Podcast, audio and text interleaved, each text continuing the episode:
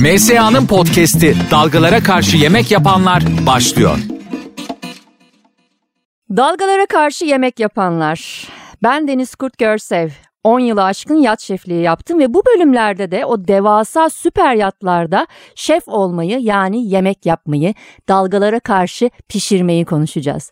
Bugün Pelin Günenme ile beraberiz. Merhaba. Merhaba. Pelin e, yine yat şeflerimizden biri ama aslında sadece yat şefi olarak tanımlayamayız. Şeflerimizden biri. Çünkü bir İtalyan mutfağı geçmişim var, bir restoran geçmişim var yata katılmadan önce. Biraz kendinden bahsedebilir misin? Ee, tabii e, stajımı vegan mutfakta yapmak istedim. Çünkü vegan mutfağı e, öğrenmek istedim. E, o yüzden bir nevi Deli'de çal- e, çalışmıştım. Stajımı orada yapmıştım. Arkasından bir arkadaşımın kafesinde şeflik yapmaya başladım. Arkasından da İtalyan restoranında e, Ayda'da çalıştım uzun bir süre.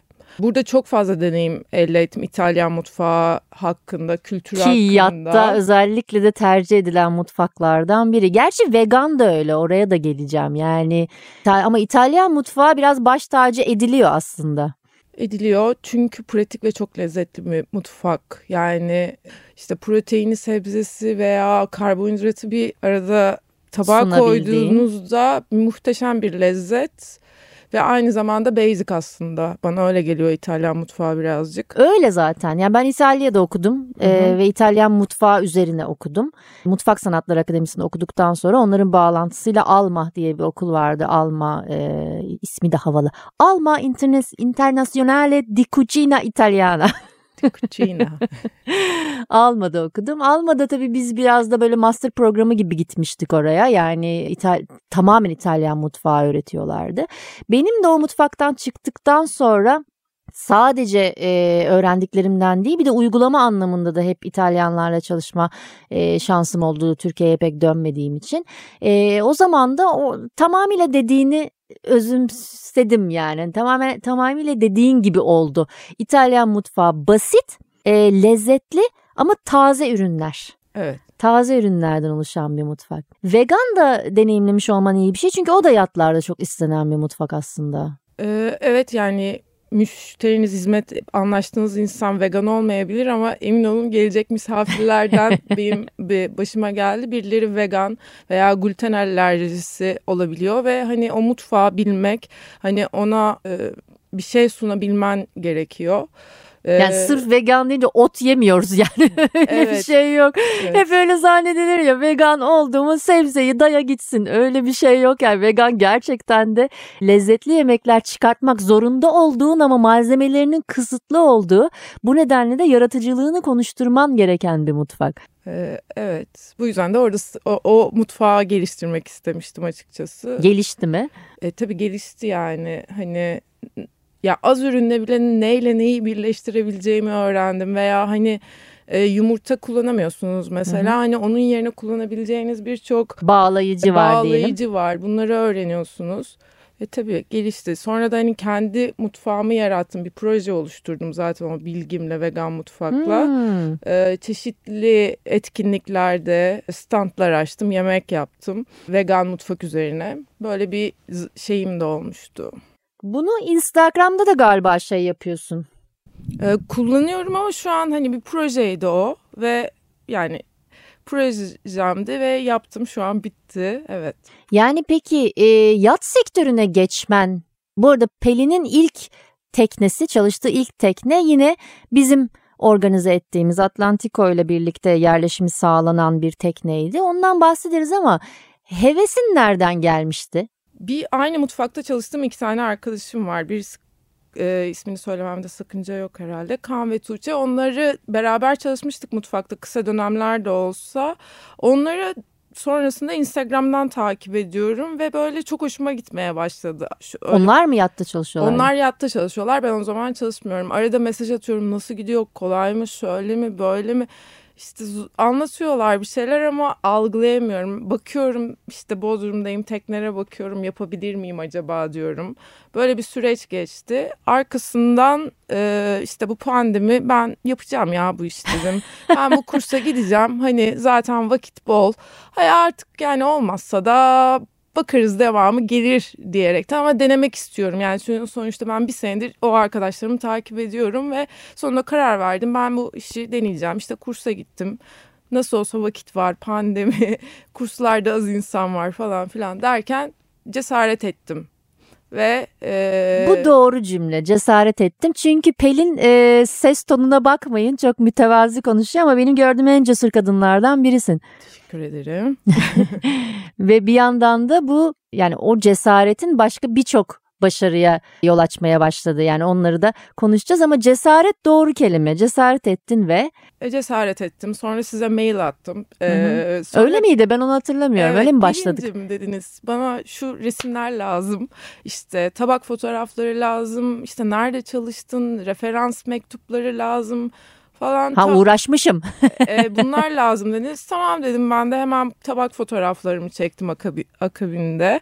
Ondan sonra... Bu da güzel cümle. Tabak fotoğraflarımı çektim dedin. Onu anlatmak istiyorum aslında. Genelde biz e, şeflerin CV'lerini kendilerinin hazırlamasını istiyoruz. E, ya da bazen çok acilse biz yardımda destekte oluyoruz CV hazırlama konusunda. Çünkü CV'ler genellikle zayıf.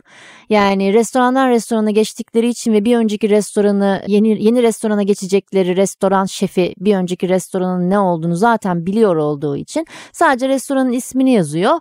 Altına pek bir şey yazmıyor. E, o şef öbürünü arıyor zaten. Re, e, referans alıyor. Öyle öyle işler halloluyor diye kimse CV'sine özen göstermiyor. Halbuki CV dediğimiz şey sizi gerçekten özellikle bir şefi tanımlayan tek kağıt parçası. Yani bir yat sahibinin ya da bir ev sahibinin, bir private müşterinin sizi seçmesi için sadece 3 saniye ya da 5 saniye gibi bir süreniz var. O arada next geçebilir hemen. Yani o CV seni anlatmıyorsa geçebiliyor. Pelin de e, zaten sevgisi güzeldi ama bir de üzerine tabak fotoğraflarını kendisi çekti.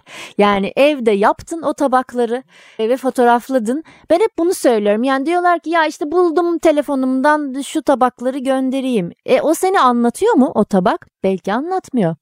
Yani bu işler böyle ben e, yani CV siz bana CV'yi Pelin şöyle olması gerektiğini lazım dediğinizde evet, ben hemen bir Google'a girip bir araştırdım. Yurt dışındaki şeflerin CV'lerine baktım. Bravo. Bir görsel dizayn nasıl yapıyorlar, nasıl dikkat çeker e, bunu bir gözüm algıladı, beynim algıladı. Ondan sonra bir fotoğrafım böyle telefonla çekilmiş fotoğrafı oraya koyamam. Hani ışık da güzel değil, evdeyim falan. Ne yapacağım? İşte beyaz bir e, Bravo. alt plan koyuyoruz. Üstüne tabağı koyuyoruz. Perde açıyoruz. Güzel ışık geliyor ve fotoğrafımızı çekiyoruz.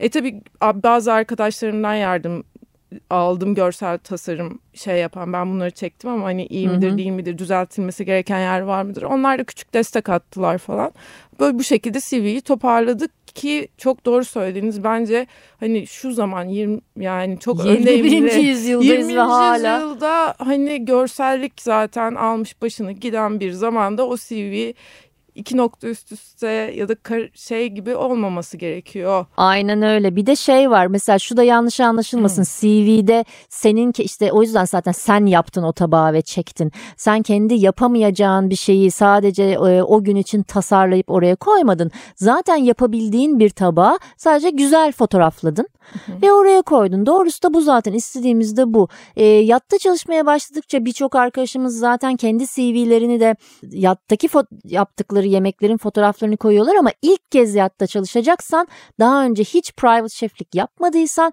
haliyle senin tabak fotoğrafın var olmuyor tabii gökten inmediği için.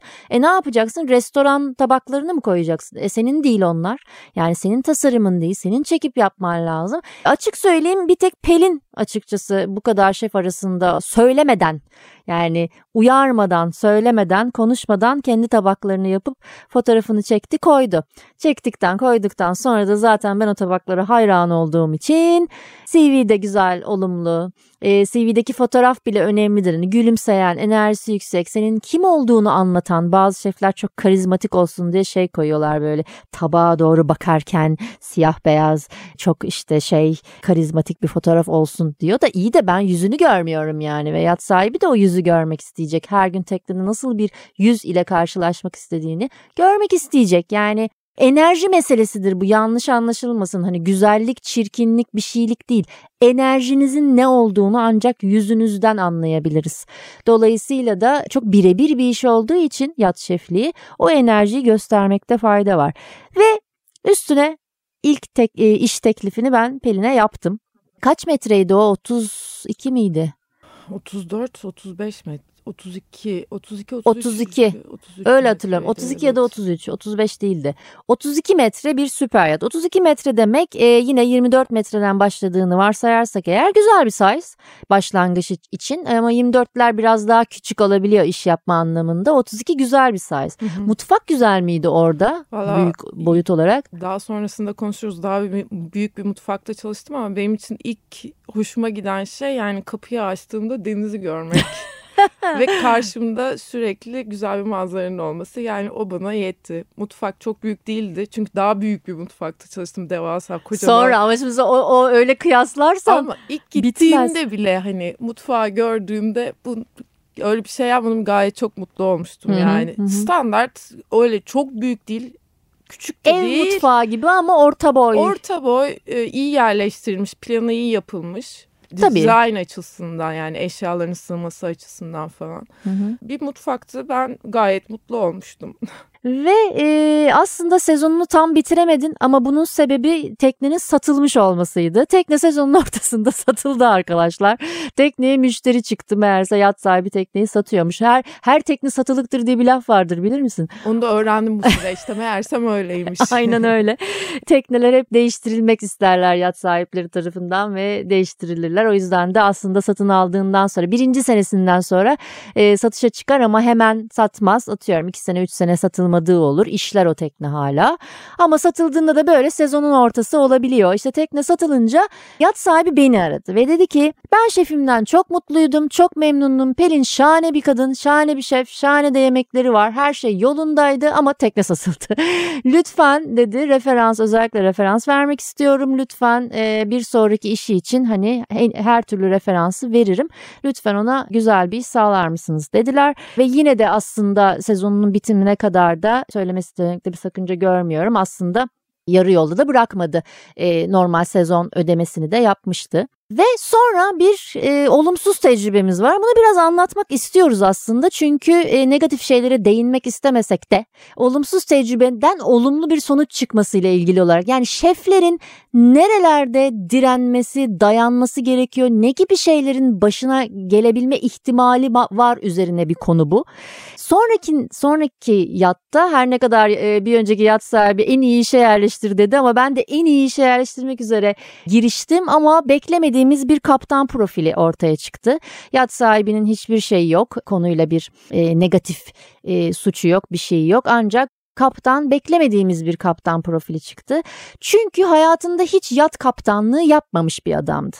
Kaptanlığın başka taraf taraflarından geliyor diyeyim özetle ve hiç yat kaptanlığı yapmadığı için kendi tecrübesizliğini yani daha konuk nedir acaba konukların seviyesi nedir bu insanlara nasıl hizmet edilir ben daha neyi doğru yap yapayım yapmayayım işte Yunan adasına gidiyoruz o suları biliyor muyum bilmiyor muyum bu gibi panikleri daha baştan itibaren etrafındaki insanlara yansıtıyordu diyebilir miyiz? Evet. Ve tam olarak da böyle oldu ve ben buna aslında normalde şahit olmazdım ama bir tesadüfle de normalde hani şeflerin yata katıldığı ilk gün orada olmuyorum şey gibi öğrencisini okula bırakan anne gibi. Ama o gün gerçekten Şans. şansına Bodrum'daydım ve o şekilde o gün oradaydım. Orada olduğumda ben de aynı manipülasyona maruz kaldım. Büyük ölçüde e, durup dururken aslında yata e, girdiğimde aa burayı şöyle kullansanız aslında mutfak çok küçükmüş şurayı şöyle yapsanız bu işte dolapları burada böyle kullanmasanız da içine şef şunları koysa falan gibi e, tavsiye verirken o tavsiyeyi akıl vermek olarak algıladığı için kaptan bana da bir fırça kaydı ve e, bayağı anti profesyonel bir e, gün yaşadık e, ve ben oradan çıktığımda Penny dedim ki şu anda bırakıp gidebilirsin. Lütfen sen düşün karar ver. Pelin dedi ki denemek istiyorum. Ve devamı da sende. Yani 15 gün boyunca bir negatif tecrübe yaşadın. Denemek istiyorum dedim çünkü o küçük mutfakta başarılı olabilirsem sanki ben artık bir daha gözüm korkmaz diye düşündüm. O yüzden denemek istiyorum Evet dedim. ama aslında mutfak değildi oradaki problem kaptan da onu anlayamadık. Evet. Şey daha doğrusu sen onu öyle düşünemedin ama bu arada küçük mutfak derken şunu da eklemek istiyorum. Hakikaten çok küçük.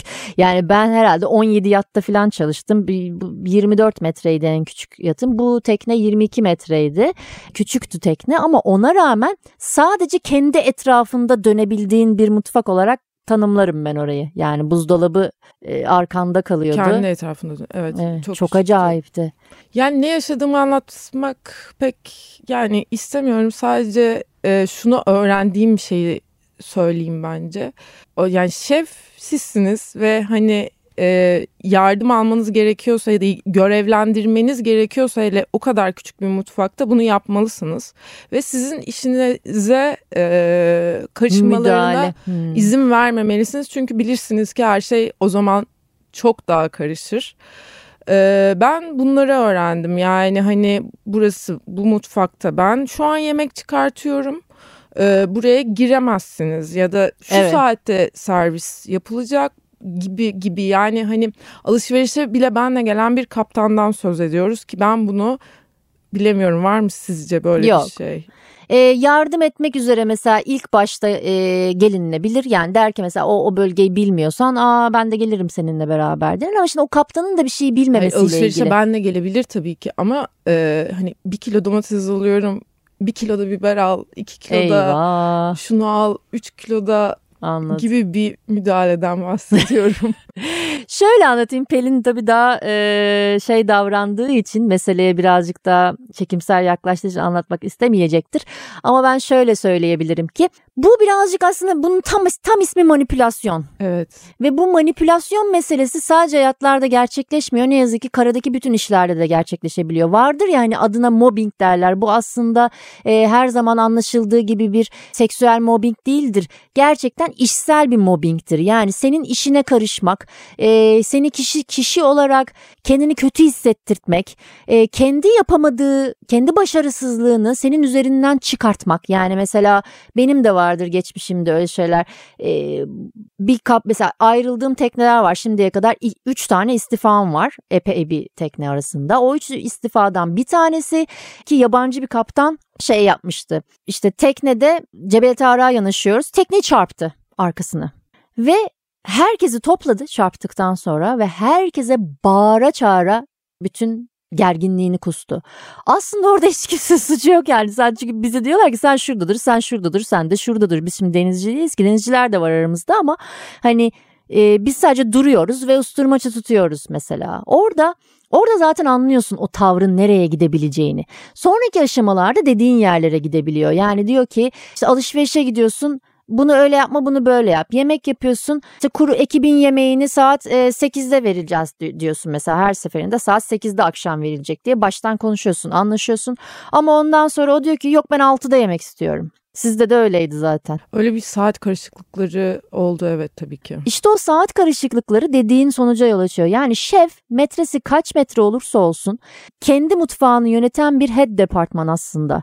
Yani e, sadece hani e, kendi etrafına dönebileceğin bir mutfak bile olsa şef biliyor orada konuklara ne yapacak, konuklara çıkaracağı yemeğin o küçücük mutfakta pişebilme süresi, o süreyle olacak handikapların halledilmesi, o noktada ekibe doğru yemek yapabilmek ve doğru zamanda çıkartabilmek için çaba gösterilecek olan noktalar bunların hepsini şef biliyor. E şimdi kaptan ben böyle istiyorum dediği zaman her şey birbirine karışıyor.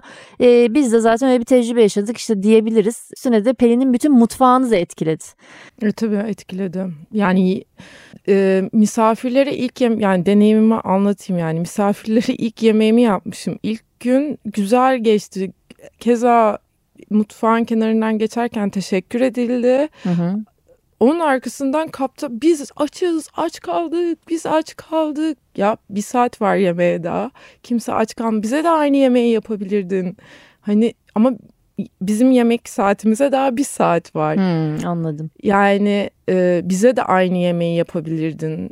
Ben neden böyle bir planlama yapmadım ki yani? Evet plan orada işte şey var orada kaptan ya da işte kimse bunu söyleyen kişi işte müdahalenin biçimi yani orada hani bize de aynı yemeği yapabilirdini şu şekilde söylese gerçekten onlara da aynı yemeği yapabilecek bir versiyon olsa sen zaten onu düşünürsün bir. İkincisi hadi diyelim Yani bu- düşünemedin Ee, sana gelip ya aslında şu anda bize de aynı yemeği de şu anda değil de mesela bir gün sonraya ya aslında bize de şu şu yemeğin bir benzerini yapabilirsin. Aslında aynı yemeği de yapabilirsin. Ee, o şekilde kendi işini de rahatlatabilirsin ama sen bilirsin dese belki başka türlü yürüyecek iş. Keşke bilinç düzeyi bu seviyede olabilse. Çok basit bir şey bu iletişim yani. Hani, İletişim evet iletişim doğru kelime. e, ben de anlayışlı bir insanım öyle şey değilim ama Evet, Pelin orada çok sabırlıdır bu arada. gün zaten bir heyecan, o küçücük mutfak hani başarmışız, güzel falan. Her şey yolunda. Ama yani öyle girersen daha ilk günden o olmuyor işte. Evet ve olmadı da. Ee, neyse sonucunu anlatayım işin. Negatif bölümden pozitif bölüme geçelim. 15 günün sonunda Pelin dedi ki ben gidiyorum. Zaten ben de gidecek misin demiştim. O da ben gidiyorum dedi. Zaten e, yatta şey olmadı. Şef değiştirip duruyormuş genel olarak. E, herhalde bu sebepleydi diye düşünüyoruz. Ondan sonra Pelin buradan çıkarılacak dersi anlatmak istiyorum aslında. Çünkü orada bir işte senin kendine güvenini aşağı çektiler. Kendine güveni aşağı çekilen Pelin bana dürüstçe telefonda dedi ki ya ben gerçekten kendimden şüphe etmeye başladım. Oturdum evde yemek yaptım dedi.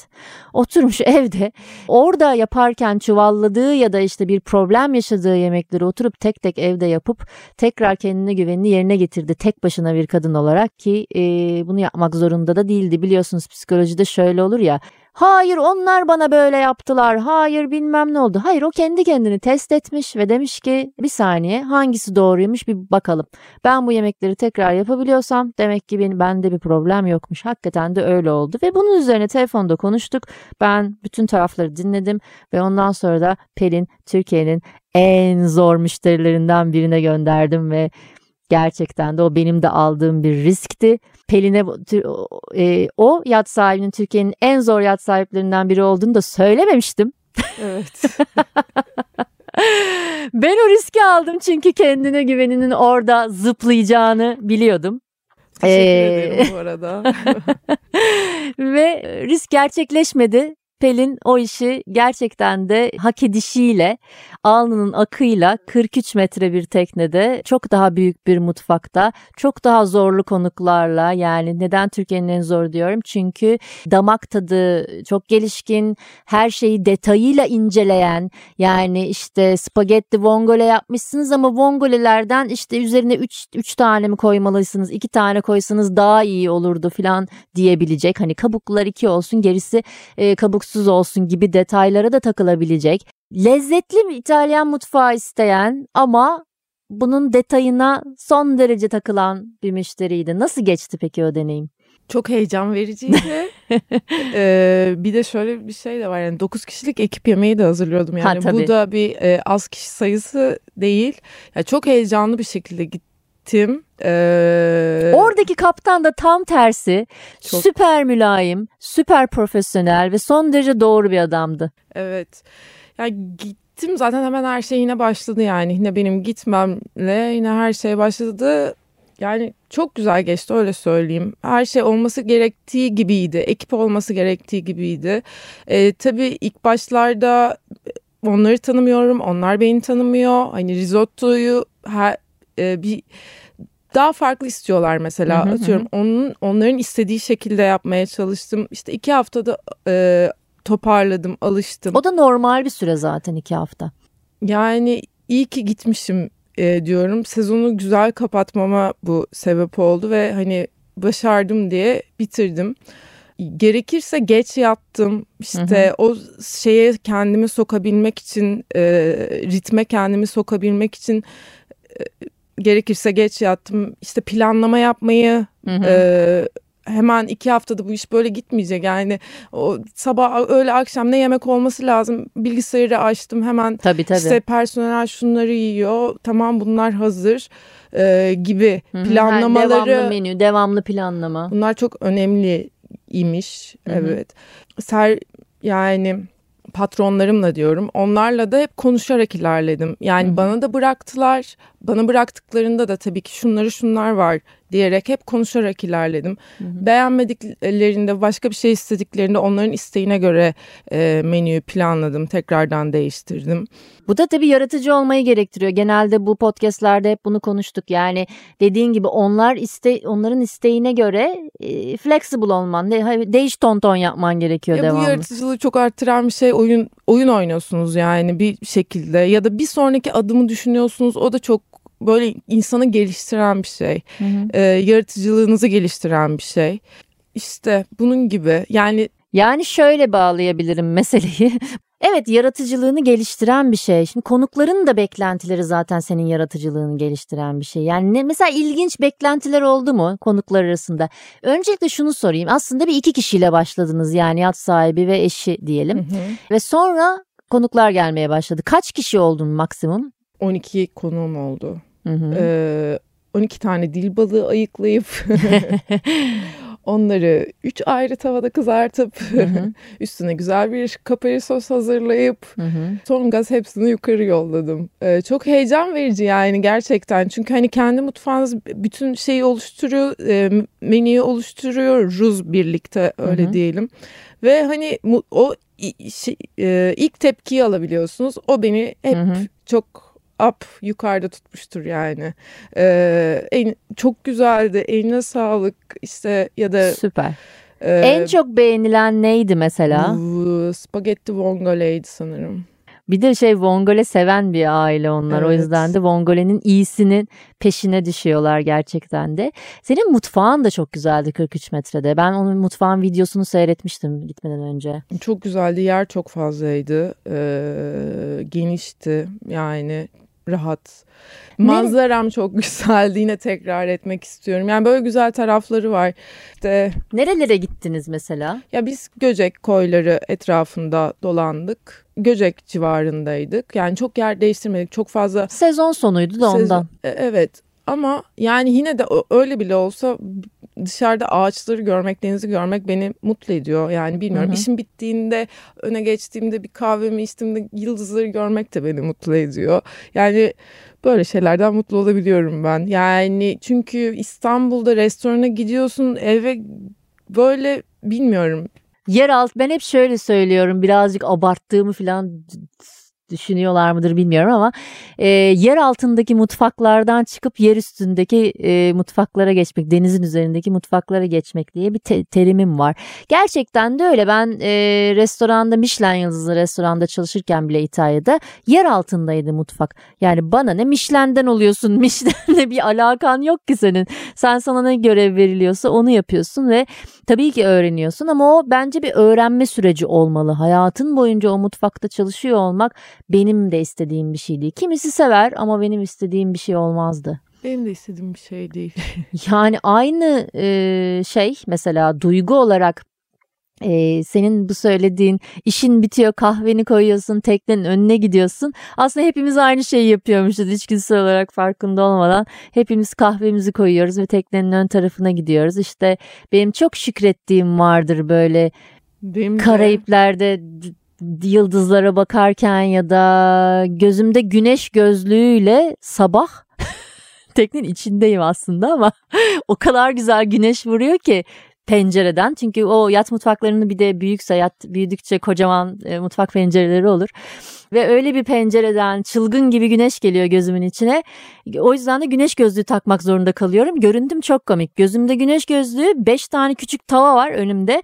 Birinde scramble eggs, birinde göz yumurta, öbüründe işte e, bir küçük sospende poşa yumurta, öbüründe bilmem ne böyle 5 tane ayrı yumurta yapıyorum küçük şeylerle, tavalarla ama gözümde de güneş gözlüğü.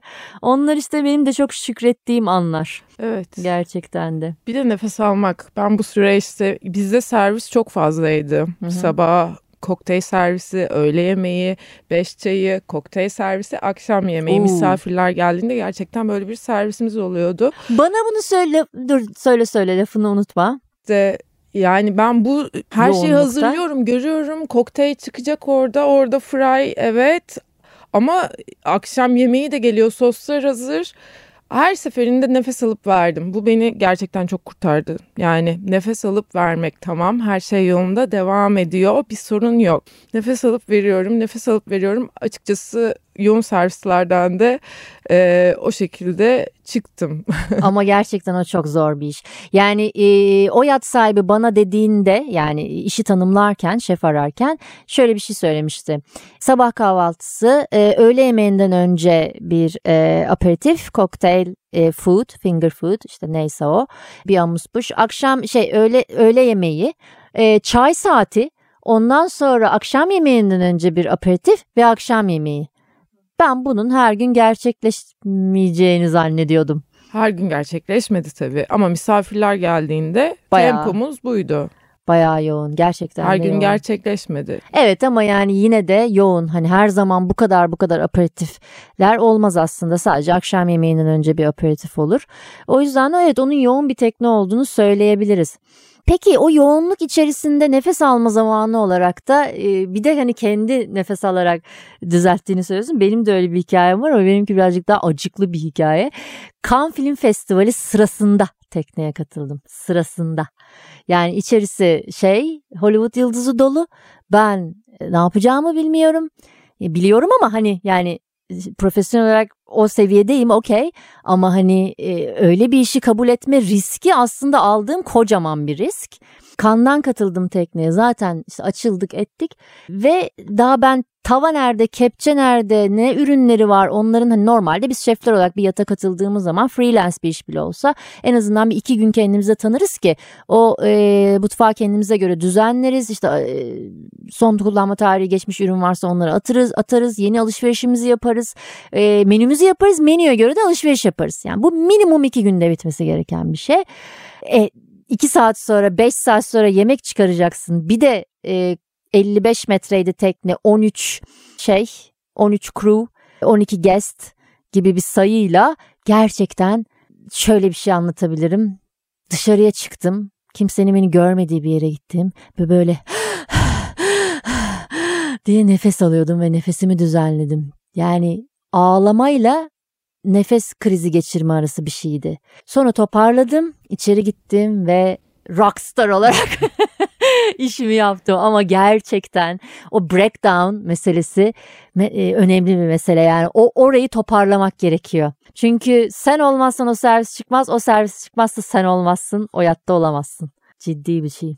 Peki bütün bu zorluklar çerçevesinde aslında soru şuraya geliyor. Bir aşçı olarak kadın olmak nasıl bir zorluk ve bir yat şefi olarak kadın olmak nasıl bir zorluk? Arasında senin için hangisi daha doğru?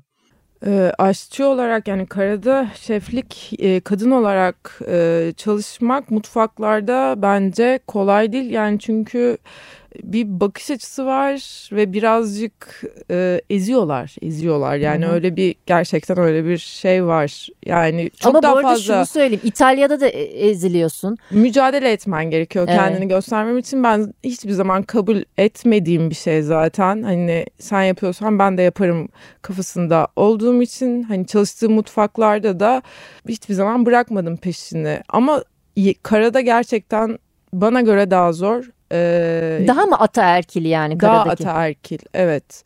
Yani yeni bir tabakla gidiyorsun mesela şefe bir şey geldi aklına denemesini yaptın demosunu yaptın hani seni dinlemiyor da baş erkek şefi daha dinleyebiliyor gibi. O, o derece. Ya da onun fikri sanki daha süpermiş Hı-hı. gibi. Yani ee, bunun gibi şeylerden bahsediyorum. Şey olur muydu mesela e, bana öyle şeyler de olmuştu. İtalya'da da böyle olabiliyor bu arada. Fransa'da böyle olabiliyor. Çok da fark etmiyor açık söylemek gerekirse. Yani sadece Türkiye'ye has bir ataerkilikten bahsetmiyoruz onu demek istiyorum. Başka mutfaklarda da olabiliyor. Michelin yıldızlı mutfaklarda da olabiliyor. Mesela beni gayet böyle yaptığım işi tam hani underestimate etmek yani yaptığım işi küçümseyecek espriler e, bulunduğum memleketi küçümseyecek espriler. Evet evet. Kadın olmamla ilgili espriler. Evet. Bunlar çok yapılıyordu ve bunlar gerçekten de süper rahatsız ediciydi. Yani kadın olmanın yani ben çok hani feminist konuşmalar yapan biri değilim ama genel olarak ya bir ciddiye alınmıyorsun nedense evet. öyle bir gerçek var yani bir ciddiye alınmıyorsun aynı işi yapıyorsun böyle aynı teri döküyorsun ama işte bir ciddiye e, alınmıyorsun yani. Tabii. Tabii bir de şey diye bakılır ya ya bana öyle bakılmıştı en azından. Yaşın değer işte 30'lara geldiyse sen de 30'larındasın e, 18-19 yaşındaki e, çocuklar hani ya bu yapmasın bu işi. Gitsin işte evlensin çoluk çocuğa karışsın bu işi yapmasın. gözüyle bakıyor. Öyle düşünüyorum. Yani bunu hissettiriyorlar gerçekten. Yani bir asistanlarla da çalıştım bu arada karada mutfakta. İşte yeni asistanlar gelmişti kadın şefler var, erkek şefler var ayrı ayrı. Yani bir de onun kadın şeflerin nasıl yaklaştığını görüyorum olaya. İşte o makarnayı keserken ne kadar ince ayrıntıyla saklamaya gidince e, ne kadar ince düşündüğünü görebiliyorum. Hı hı. Bir de aynı şekilde erkek asistanın davranışını da görebiliyorum. Hani hmm. bunu genellemiyoruz tabii, tabii ki, ki. Erkek şefler de var inanılmaz e, şey yapıyor ama benim mesela orada da gözlemlemiştim. Yani daha dikkat ediyor. Hı hı düzenine daha dikkat ediyor gibi Hı-hı. söyleyeyim. Ya tam tersi de olabiliyor. Dediğin gibi bunu genellemiyoruz ama tabii ki. E, tavır davranışı da genellemiyoruz. Yani hani ben çok da e, yani birçok bir ya erkek şef e, arkadaşlarımız var. Kadınlara böyle davranmayan ve hani bir şekilde e, daha fazla kadınlarla birlikte çalışmak isteyen, e, kendi restoranına kadınları daha fazla employ eden hani Bence daha eğlenceli sağlayan. bu arada kadın bakış açısı. Mutfakta eğlenceli gerçekten. Evet farklı. Ee, mutfağa bir şey geliyor, neşe geliyor öyle söyleyeyim. Yoksa düşünsenize yani. Devamlı erkek. Devamlı aynı muhabbet, böyle kaba bir tondan konuşma falan. Küfürlere var. Yani tamam küfür ediliyor da ne bileyim bir kadın mutfakta olunca gerçekten çalışmak da daha eğlenceli oluyor. Ee, bakış açısı da lazım. Aynı, aynı şekilde kadın bakış açısı da. Peki ee, yat? Yat daha rahat çünkü dediğim gibi orada şefsizsiniz. Ben bunu öğrendim. Yani şefsizsiniz. Eğer bir problem varsa kaptanla konuşabilirsiniz Hı-hı. ve bunu çözmeye gidebilirsiniz. Ve e, şef olduğunuz için de yani size kimse öyle yaklaşamaz. Yani yaklaşmamalı, yaklaştırmayın. Hı hı. Sorunları tabii ki çözmeye çalışın kaptanla ama yani yatta ben kadın olmanın daha kolay olduğunu söyleyebiliriz. Evet herhalde denizin verdiği bir e, bilinç açıklığı mı var diyeyim ne diyeyim denizden gelen. Rüzgar böyle rüzgar, bilincimizi açıyor. Birinci şey olmuş mu diyeyim artık. E, yatta bunu yaşamadım. Ben de yaşamadım. İtalya'da restoranda yaşadım dediğim gibi. Ama yatta kadın olmanın daha avantaj e, daha doğrusu avantaj demeyeyim de tercih ediliyor olduğumu da biliyorum. Yani yatlarda çünkü daha böyle bir şey vardır. Bir kere zaten tercih sebebi vardır. Hani e, cabin arrangement denilen yani kama hangi kamerada kimle kim kiminle uyuyacak planı yüzünden aslında e, kadın şef arandığı çok oluyor. Çünkü bayan şefler bay şeflerle e, şey personelle uyuyamayacakları için işte bayan personelle uyuyacak. Ne oldu? Kadınla kadın aynı kabinde kalacağı için hosteslerle şefler uyurlar. Bu arada bilmeyenler için söyleyeyim ikili ikilidir genellikle ranzalar ve uyuma biçimleri. Yine onlar da lüks kabinlerdir. Yine yatın şekline göre hani böyle şey gibi e, işte yatakhane gibi düşünmeyin. Ee, yine işte kabinlerdir ama o kabinlerde iki kız iki kız iki erkek iki erkek oynayacağı için kadın tercih ediliyor ama bir yandan da kadın düzen intizam muntazam olsun amacıyla da tercih edilebiliyor. Ve tercih ediliyor olma duygusu bile oradaki ortamı zaten değiştiriyor. Ataerkil hmm. bir şeye geçilem geçemiyor böylece. Ee, yani hiç böyle bakıldığını görmedim, duymadım. Yani kadınların e, istenmediği halbuki şeydir ya e, Karayip Korsanları hikayesi gibi teknede kadın istenmez. Uğursuzluk getirir. Uğursuzluk getirir ama burada tam tersi. Bence kadın olarak çok doğru bir iş yat şefliği. Bence de çok keyifli. Çok ee, keyifli. Keyif evet. aldığın bölümleri bize söylemek ister misin manzara haricinde? Yani keyif aldığım bölümde. Yani bir kere konsantre, işime konsantre olmaktan keyif aldığımı söyleyebilirim. Yani o menüyü planlamaktan, hı hı. E, oluşturmaktan keyif aldığımı, e, bunu e, yat sahibiyle paylaşıp bir düzene oturmakta, oturtmaktan keyif aldığımı söyleyebilirim. Ee, onun dışında yani konuştuk yani kapalı bir mutfakta değilim. istediğim zaman dışarı çıkabiliyorum. Bundan keyif Hı-hı. aldım. Ya ben işime konsantre olmaktan açıkçası e, ve beni son teknemde hiç kötü bir manipülasyona uğramadan çalışmaktan e, ve birebir e, şeyi görmekten yani sonucu. güzel olmuş sonucu görmekten bunlardan keyif aldım. İşte o keyif aldığın noktalarda zaten senin tabaklarına yansıdı. Hı hı. Sen keyif aldıkça o tabaklar güzel çıktı. O tabaklar güzel çıktıkça e, yat sahibi mutlu oldu ve bu böyle zincirleme bir iştir. Ancak bunu söyleyebilirim. Yani gerçekten de hani başından beri bu podcast'in manipülasyonları konuştuk, olumsuz şeyleri konuştuk, negatif bölümlerini konuştuk işin. E, istedik de bunları konuşmayı hı hı. Pelin'le evet. birlikte. Çünkü e, biliyoruz ki iş sadece manzara seyretmekten ibaret değil değil. Gerçekten küçük bir alanda e, stres çok oluyor ama bir de bu manipülasyonlar var. O manipülasyonlar olduğu zaman da dünyanın en iyi şefi olsun o makarna çıkmıyor kardeşim. Çıkmaz. Çıkmıyor yani. Çıkmaz. Çıkmadığı zaman da aa kötü şef. No değil. Kötü şef değil. Kötü şef diye bir şey yok. O şef doğru bir alan bulamamıştır. Doğru bir destek de bulamamıştır. Aynı zamanda bulduğu alan ve desteğe de çomak sokulursa zaten o makarna çıkmaz. Evet. O makarna çıkmaz olarak bu bölümün ismini koyabiliriz. o makarna çıkmaz. çok teşekkür ediyorum Pelin geldiğin için. Ben çok teşekkür ederim. Çok güzeldi. O zaman bir sonraki konuğumda buluşmak üzere diyorum. Yine yatlarda görüşmek üzere. MSA'nın podcast'i Dalgalara Karşı Yemek Yapanlar sona erdi.